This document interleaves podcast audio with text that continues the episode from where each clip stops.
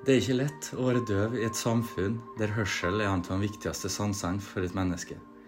Et barn lytter og bearbeider informasjon stort sett hele sin barndom for å tilegne seg både språk og kunnskap. Men hva hvis du ikke kunne høre, og det ikke var noen måte for det å lære deg å kommunisere på?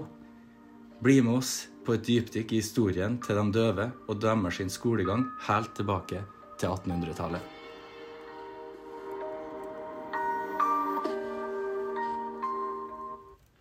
Hei og velkommen til podkasten Lærerprat med teamet fra Maka skole, bestående av meg, Amalie, Anniken, Hallo. Kristine Hei, hei. og Markus. Hei! Temaet for denne episoden her, det er historiske eh, utviklinger innenfor spesialpedagogikken. Ja. Det er jo helt klart veldig viktig å lære av historien for å kunne forstå hvordan spesialpedagogikken har utvikla seg. Ja, for eh, spesialpedagogikken har jo egentlig som mål å møte elevene sine behov, eh, og har av den grunn utvikla seg veldig masse frem til nå.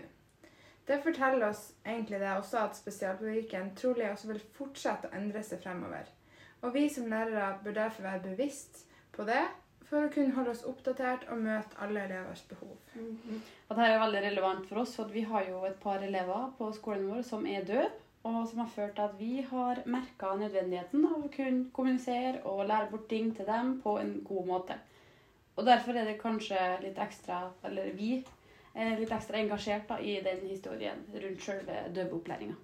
Ja, så eh, derfor håper vi også at eh, denne podkasten kommer til å være lærerik for eh, andre lærere på vår skole, elever sine foresatte, men også andre interesserte. Det er jo òg en annen grunn til at det gir mening å fokusere på historier av spesialpedagogikk innenfor utdanning av akkurat døve elever. For Før i tida så var det jo ikke så masse snakk om spesialundervisning for andre unger enn dem man lett kunne se at hadde en funksjonsnedsettelse, som da døve og stumme f.eks. Eller blinde. Ja, og det er nå akkurat av den grunn at det dessverre ikke er så mye historie om spesialpedagogikk som er ment for å møte elever med andre typer spesielle behov. da. Ja, ikke sant? Og døveopplæringa var den første formen for spesialpedagogikk som eh, kom både til Norge og Europa. Eh, Og den første døveskolen kom allerede i eh, 1825, og den kom i Trondheim. Den ble oppretta av Andreas Christian Møller, som sjøl hadde vært nødt til å gå på en døveskole i Danmark før han kom hjem og bestemte seg for å starte opp en døveskole i Norge òg. Ja, og jeg tenker i hvert fall det at det sier litt om situasjonen når de døve sjøl var nødt til å ta initiativet for å få oppretta en døveskole. Og det er kanskje noe av det vi kan lære mest av, tenker jeg da. For eh, hvordan, eh, sånn som det var før i tida, så var det ikke noen som ikke var i den samme situasjonen sjøl, som valgte å legge en innsats for å lære de da en måte å kommunisere på. Ja. Nå har vi jo forstått da at vi kan ikke sette oss inn i deres situasjon, men vi vet likevel at det er veldig viktig at vi må gjøre alt vi kan for at deres hverdag skal bli enklere. Ja, og det som var fint med Andreas, da, var jo at han hadde hele familien sin til å hjelpe ham i drifta av den eh, døveskolen her som vi snakka om. Eh, Så det, eh, det var nok familien hans som kunne litt mer om døve og døvealfabetet enn de fleste andre i Norge. Og de forsto da at det faktisk var et ganske stort behov da, for, for en akkurat sånn en skole.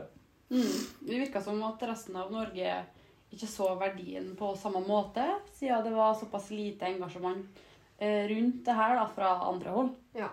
Eh, Vi har jo laga ei tidslinje om spesialpedagogikkens historie som ligger ute på nettsida til skolen. Og Der ser vi jo at det er store tidsrom mellom årstallene hvor det skjedde utviklinga innenfor både spesialpedagogikken generelt, men òg innenfor eh, spesialpedagogikken for døve. da. Eh, Og Det sier jo litt om hvor lavt denne pedagogikken ble vekta før i tida. Ja, og det tok nå ganske lang tid før det faktisk ble eh, en systematisk spesialpedagogisk utdanning eh, til ansatte på sånne skoler.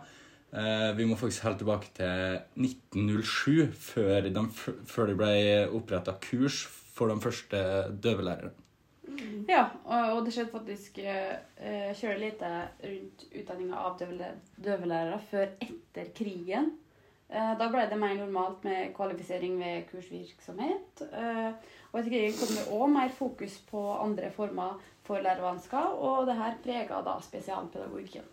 Ja. Og på samme tid så kom det også ny teknologi. eh, som da bl.a.